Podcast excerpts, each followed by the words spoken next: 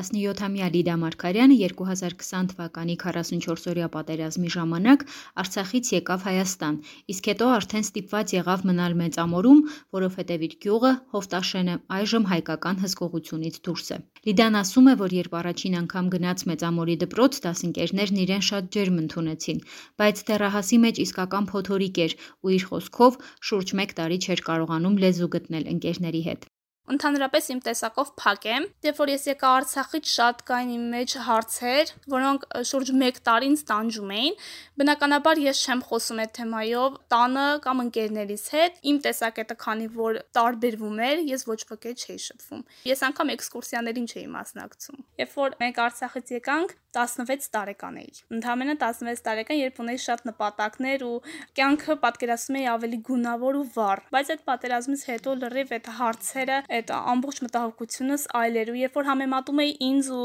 իմ հասակից այստեղի երեխաներին, զարմանում էի թե ինչպես կարան իրանք նման բաների մասին մտածեն կամ ինչպես կարող է այդ օրինակ տվյալ հարցը իրանց անհանգստացնի, եթե այդ իմ կյանքում երկրորդական է։ Նկատել եմ, որ երեխաները մեկը նեղվում էր, թե ինչու է օրինակ իրանց դիմագծերը ավելի տգեղ կամ ինչ որ մի բան կամ ինչու իրենց ծնողները չեն թողնում որպեսզի իրենք դուրս գան ուղակի զբոսնելու իսկ իմ կյանքում այդ լրիվ երկրորդական էր ինձ ավելի շատ անհանգստացնում էր այն հարցը այն խնդիրներն էր իմ մոտ ինչի ես իմ տանը չեմ կամ ինչի իմ ընկերները այստեղ չեն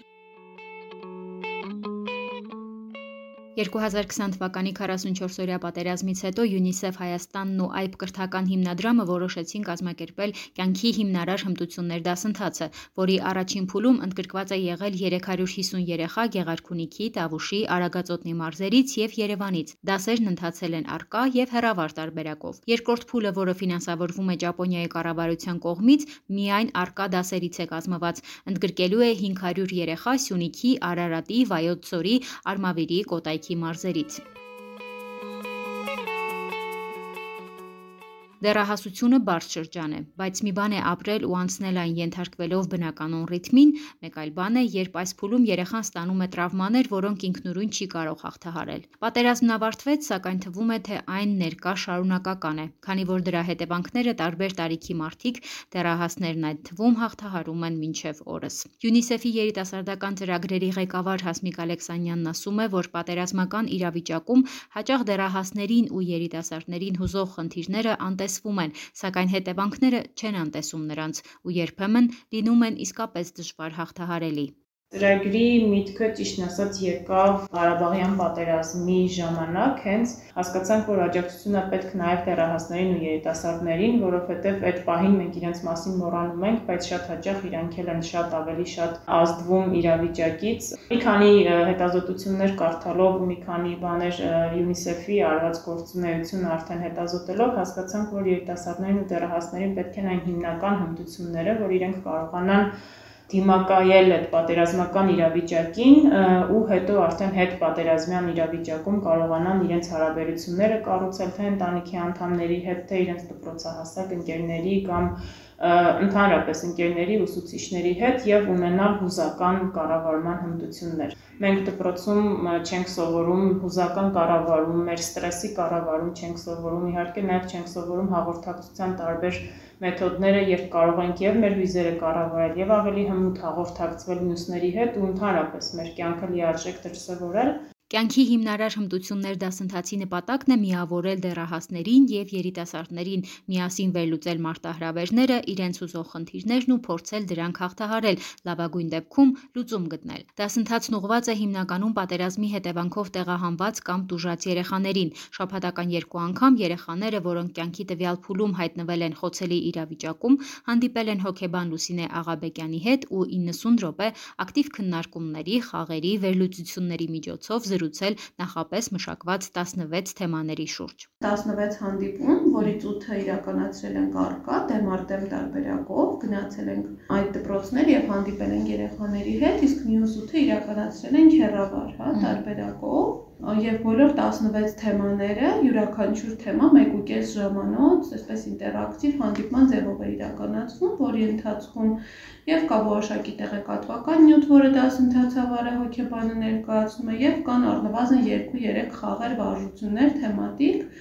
որոնք որ իրականացվում են թեմայի հետ կապված։ Թալինում բնակվող 16-ամյա Լենա Ղազարյանը նշում է, որ դասընթացը յուրահատուկ հարթակ էր, որտեղ սովորական զրույցները վերեինացվում օգտակար դիսկուրսի, որտեղ հնարավորություն էր ընձեռվում յուրաքանչյուրին իրեն կողքից նայել։ Դասընթացն այն հարթակն էր, որ մենք բոլորս մեր մտքերն արտահայտեցինք ու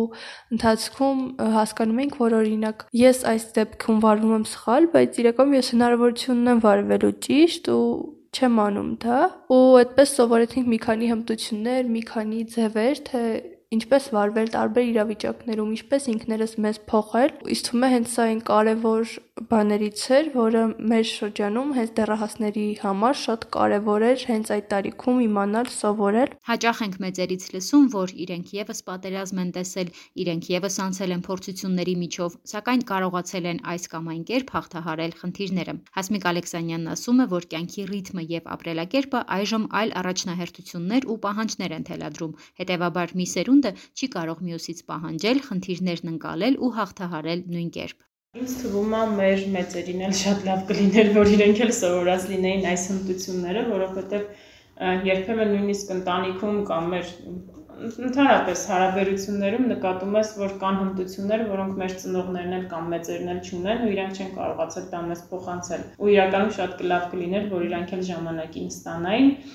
ժամանակները փոխվում են ու բոլորիս են պետք է հմտությունները։ Մարտահրավերներն են շատ, խնդիրներն են ավելի շատ։ Միգուցե առաջներում այդքան երիտասարդ տարիքում չեն հանդիպել այդ նմանատիպ որոշ խնդիրների, իսկ հիմա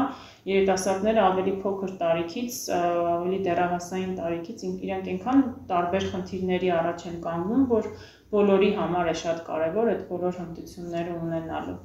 Լիդան հիշում է, որ երբ Արցախից եկան Հայաստան, բոլորովին այլ երազանքներ ուներ։ Հիմա երազանքներից չի հրաժարվել, պարզապես նույն խնդիրներին այլ դիտանկյունից է նայում։ Եթե ես առաջ արթնանում էի ու մտածում էի, ինչի էլի էստեղ եմ արթնացել, ինչի իմ տանը չեմ, հիմա մտածում եմ, որ ամեն օրը մի նոր հնարավորություն է եւ ամեն բացվող օրվա հետ ես կարամ ինչ որ մի ձև սովորել ինչ որ մի բան եւ կայանալ ու արդեն հետ գնամ Արցախ, արդեն կայացած ու կարողանամ ինչ որ բանով օգնել։ Եթե ես առաջ մտածում եի, որ գլխավոր խնդիրը իմ հետ գնալն է, հիմա իմ գլխավոր խնդիրը այդ ուսումն է, քանի որ ես հիմա եթե գնամ Արցախ, ես ոչնչով չեմ կարող օգնել Արցախին։ Ես չեմ ուզում ասեմ, որ հարմարվել եմ այս ամեն ինչին, սակայն ուղղակի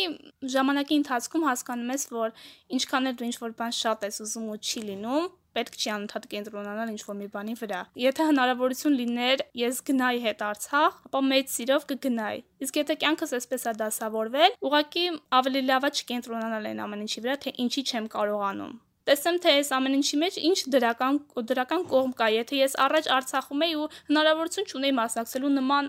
նախագծի հնարավորություն չունեի խոսելու հոկեբանի հետ։ Աղջիկն ասում է, որ դասընթացից հետո թեթևություն է զգում, որովհետև Արցախ թեման քննարկելը իր համար միշտ տաբու է եղել։ Սառույցը կոտրվել է միայն դասընթացի ժամանակ։ Այս ձևաչափը դժվար է անվանել դաս, չնայած տնային աշխատանքներ եւս հանձնարարվել են։ Սա ավելի շատ դասազրույց է, բաց ձևաչափ, որտեղ հնարավորություն է տրվում անկեղծ լինել։ Իրականում շատ թեմաներ կան, որոնք որպես այդպեսին մենք ոչ մեկի հետ մինչ դասընթաց չենք քննարկում, բայց դասընթացը այսպես ասած հարթակ էր, որտեղ մենք խոսում էինք այն մասին, ինչի մասին չենք խոսում առհասարակ, բայց ինչը մեզ հետաքրքրում է, ինչը մեզ հուզում է, ու քեզ իսկապես պետք է հմտություն, պետք է գիտելիք, թե դու ինչպես այդ իրավիճակներից դուրս գաս ինքնուրույն։ Հետո մի ուրիշ վարժություն արեցինք, որ ժամանակ մեզ պետք է դնեինք ուրիշի փոխարեն, մենք ունեինք օրինակներ, որոնք կարդալով բոլորս կարծիք արտահայտեցինք, թե օրինակ ինչպես կվարվեինք այդ իրավիճակում։ Նկատեցի, թե օրինակ մի մարդը ինչպես է մտածում այս թեմայի շուրջ, մյուսը ինչպես։ Իրոք ոչ մեկի կարծիքը մյուսին նման չէ։ Հենց դա էր բոլորի յուրահատկությունը, որ բոլորս տարբեր ենք ու դա նորմալ է, որ կարող ենք տարբեր կերպ մտածել, տարբեր կերպ հագնվել, տարբեր բաներ նախընտրել ու միաժամանակ միմյանց հետ շփվել շատ նորմալ, որովհետև աշխարհն այնպեսին է, որ բոլորս լինելու ենք տարբեր Դասընթացում ընդգրկված մարզերը տարբեր են, սակայն դեռահասների բարձրաձայնած հարցերը գրեթե նույնը։ Թալինցի աշակերտուհին օրինակ ասում է, որ երբևէ ինքնաճանաչման սեփական անձը բացահայտելու մասին չէր մտածել։ Ինքն իրեն հարցեր չէր տվել, բայց իրականում լիքը բացահայտումներ է արել հենց ինքն իր մասին։ Մեզից ոչ բոլորն են մտածել ինքնաճանաչման մասին միջ դասընթացը, իրենք իրենց ճանաչելու փորձեր չեն արել, որ ինքնաճանաչումը կարծեմ հենց առաջին թեման էր դասընթացի ու շատ ճիշտ էր ընտրված որպես առաջին թեմա, որովհետև հենց ընդհանուր դասընթացից թվում է մեզ ճանաչելու համար էր, իսկ ինքնաճանաչումը հենց այդ առաջին քայլերից մեկն էր Երբեմն անգամ լավ ծնողավարման հմտությունները թույլ չեն տալիս երեխայի հետ քննարկել բարդ հարցեր։ Դասընթացի ընթացքում բարդ հարցերը քննարկվում էին པարզ մեթոդներով, խաղերով, զրույցներով։ Մի դեպք եմ շատ վառ հիշում, երբ որ ապրումակցման թեմայի մասին էինք խոսում, խմբում հետ քննարկում էինք, ունեինք երեխա ու ընտանիքում կորստի դեպքեր տեղի ունեցել, ու շատ հետաքրքիր էր ինչպես խումբը այդ պահին աշխատեց, իրենք ուշադիր ու նրբանկատեղան այդ խմբի անդամի հանդեպ հենց այդ թեման, որը որ քննարկում էինք ապրումակցումը, շատ արագ տեղում կարողացան հայ կիրառել այդ իրենց անդամի հանդեպ ու միանգամից այդ աջակցությունը նաև իրեն կարողացան ցույց տալ Նաև այդ հանդիպումից հետո ասում էին ինչքան են ափսոսում, որ ավելի շուտ չէին խոսել ապրումակցման մասին, որովհետև ասենք մի քանի օր առաջ դասարանում ինչ որ միջադեպ էր եղել, երեխեքը ասում էին, այ որ այն օրը խոսացած լինեինք, այս կոնֆլիկտը չէր լինի, այս մարդուն չէինք նեղացնի, օրինակ ավելի հեշտ կհասկանայինք իր իրավիճակը ու նեղացնելու փոխարեն օրինակ այսինչ ինչ որ բան կանեինք, ինձ մոտ դա տպավորվեց, որովհետև շատ կարևոր է, որ երեխաները այն հմտությունը, որը քննարկում ենք, անմիջապես կապեն իրենց կյանքի իրավիճակների հետ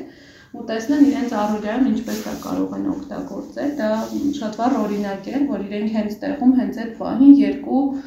տարբեր դասընկերների համար, մեկը որ այդ պահին իրենց կողքը նստած էր ու մեկը որի հետ մի քանի օր առաջ միջադեպ էր եղել, այդ երկու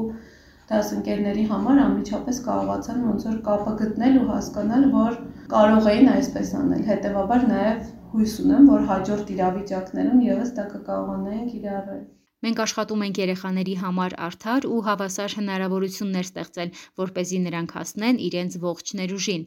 UNICEF Հայաստանի կայքմուտ գործելիս մեծ ու տարբերվող տարատեսակով աչքի է ընկնում հենց այս շեշտադրումը։